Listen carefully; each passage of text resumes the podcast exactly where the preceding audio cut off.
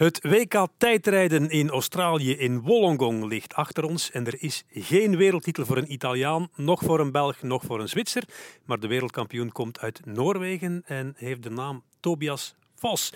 Een algemene verrassing, José? Ja, toch wel. Ja, degene die zeggen, eh, ik wist het, ja, dan moeten uh, gokken, ja, dan moeten spelen. Maar hij komt niet uit het niks natuurlijk. Negende in de Giro vorig jaar. Hij kan wel wat tijdrijden, twee keer Noors kampioen.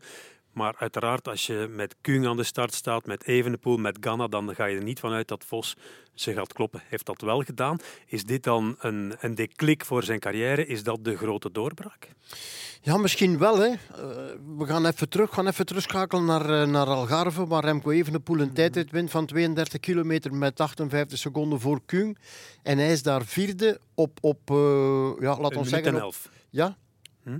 maar op een 13, 14 seconden van Kung. Ja. En verslaat hij nu met twee seconden, zou je zeggen, ja, dat ligt dicht bij elkaar. Maar eigenlijk zijn we Algarve al lang vergeten, mhm. behalve Kung natuurlijk is dat niet vergeten. Want die werd daar op 58 seconden gereden door uh, Remco Evenepoel. Dus uh, ja, een verrassing, ja, absoluut. En als die dan wint, dan, dan begin je die uitslagen na te zoeken en dan zeg je, ja, maar ja, ja, inderdaad. Maar het is een verrassing. Ja, de kater is voor Kung. Hè. Tweede, op drie seconden. Nipt een Europese titel gemist ten koste van, uh, van Bissiger toen.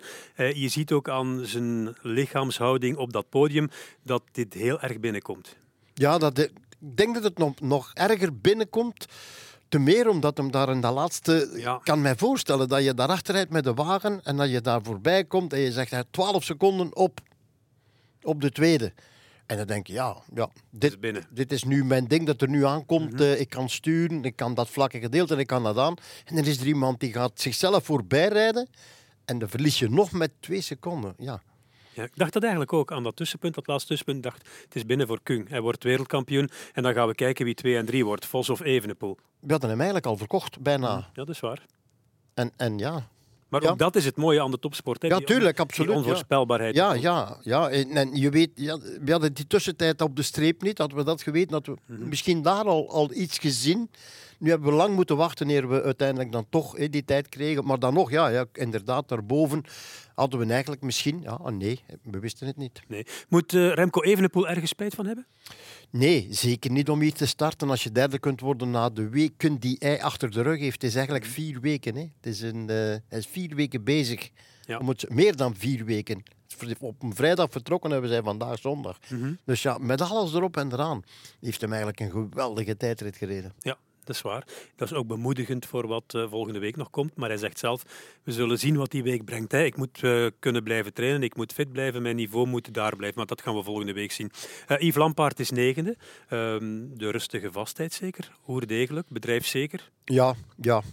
Ja, laat ons zeggen een uh, top 8, top 5, top 4 had misschien uh, te mooi geweest om waar te zijn. Want zo zijn er nog wel een deel die denken of mm -hmm. dachten van. Maar als je top 10 kan rijden in een specialiteit, en dat is toch wel een specialiteit geworden.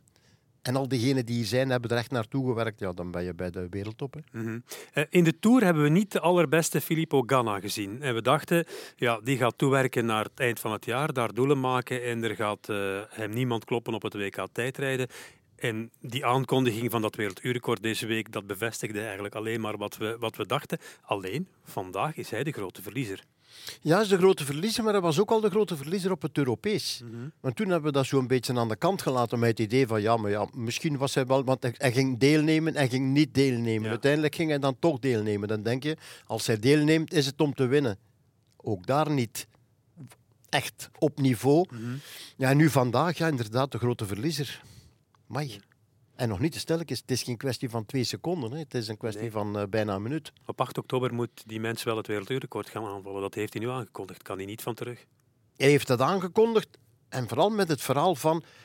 eh, Rem, Yves Lampaard, of Lampaard, Kampenaars, heeft gezegd van... Mhm. Als hij hem gaat, dan gaat hij hem echt een standaard neerzetten. En dan spraken ze van misschien wel 60 per uur of zoiets. Mhm.